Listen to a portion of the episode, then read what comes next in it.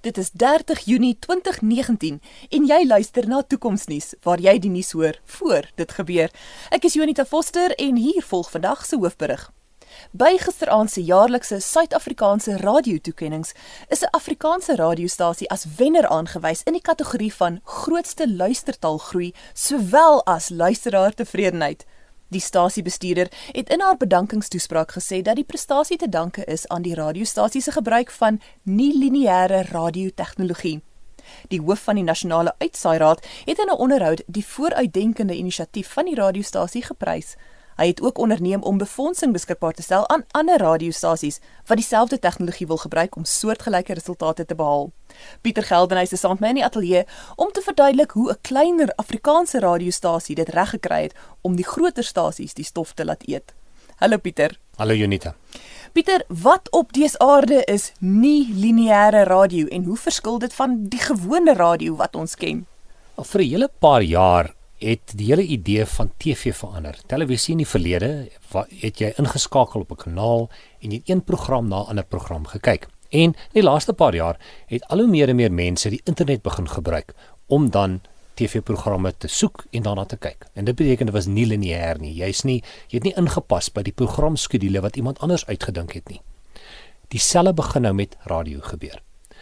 Ons doen dit al vir 'n paar jaar waar jy sekere musiekdienste het en jy sê dan vir jou luidspreker by die huis of vir jou karradio speel hierdie tipe musiek.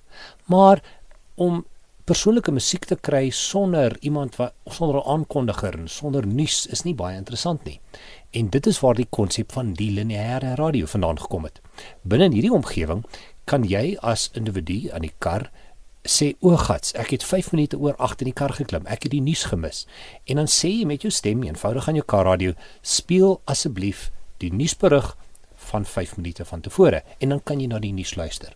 En dan kan jy sê, wel skakel nou terug na die lewendige of intydse in uitsending toe en dan hoor jy die aanbieder terwyl sy grappies maak en praat oor die wêreld, die wêreld bietjie meer interessant maak.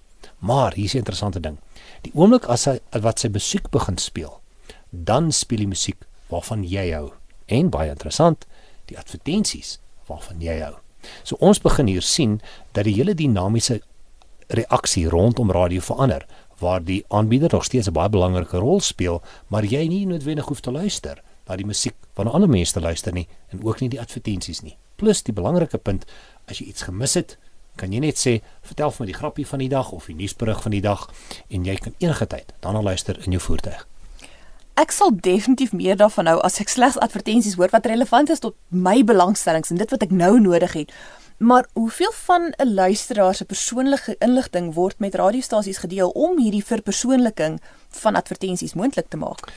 Ek dink mense besef nie dat 'n hele klomp media groepe alreeds weet wat mense doen nie. So die oomblik as wat jy op 'n uh, op die internet ingaan, dan vra hulle vir jou of jy 'n beskuitjie wil hê. Hulle noem dit cookies in Engels. en as jy dan hierdie digitale beskuitjie dan aanvaar op jou rekenaar, dan kry jy tot 400 maatskappye wat presies kyk waarna jy kyk op die internet. Vir die mense wat belangstel, hulle kan op die Firefox blaaier 'n applikasie afneem met die met die naam Lightbeam en dan wys dit vir jou wie na jou kyk. Nou met die bymekaar maak van inligting, uh, kan die radioprogram bestuur of die radioprogram bestuurder of die maatskappy baie duidelik sien waarna jy belangstel en via masjienleer kan jy dan patrone kry van die belangstellingsvelde van individue en as jy eerder na advertensies van voertuie wil luister eerder as opwasseep dan is dit wat jy sal hoor Pieter, is die radiostasie of die verbruiker verantwoordelik vir die koste rondom die lisensiering van die musiek? um, wat tussen die nuus en die advertensies en en die geselsprogramme speel. Dis baie problematies want ehm um, as radiostasie kan jy onmoontlik nie die lisensiekoste van al die musiek betaal nie. Maar net soos wat jy 'n maandelikse fooi betaal vir hierdie persoonlike musiekdienste, presies dieselfde lisensiegeld kan jy gebruik vir persoonlike radio. So die musiekdienste, ek gaan nie hulle name noem nie, daar's 'n paar van hulle, kan jy net so inkorporeer en jy kan die voordele kry van nie lineêre radio. Baie dankie Pieter. Die glans van die prys is egter oorskadu deur 'n paar persone wat gekla het dat die verpersoonlikte musiek wat aan hulle gespeel is deur die nie lineêre radiostasie glad nie tot hul smaak is nie.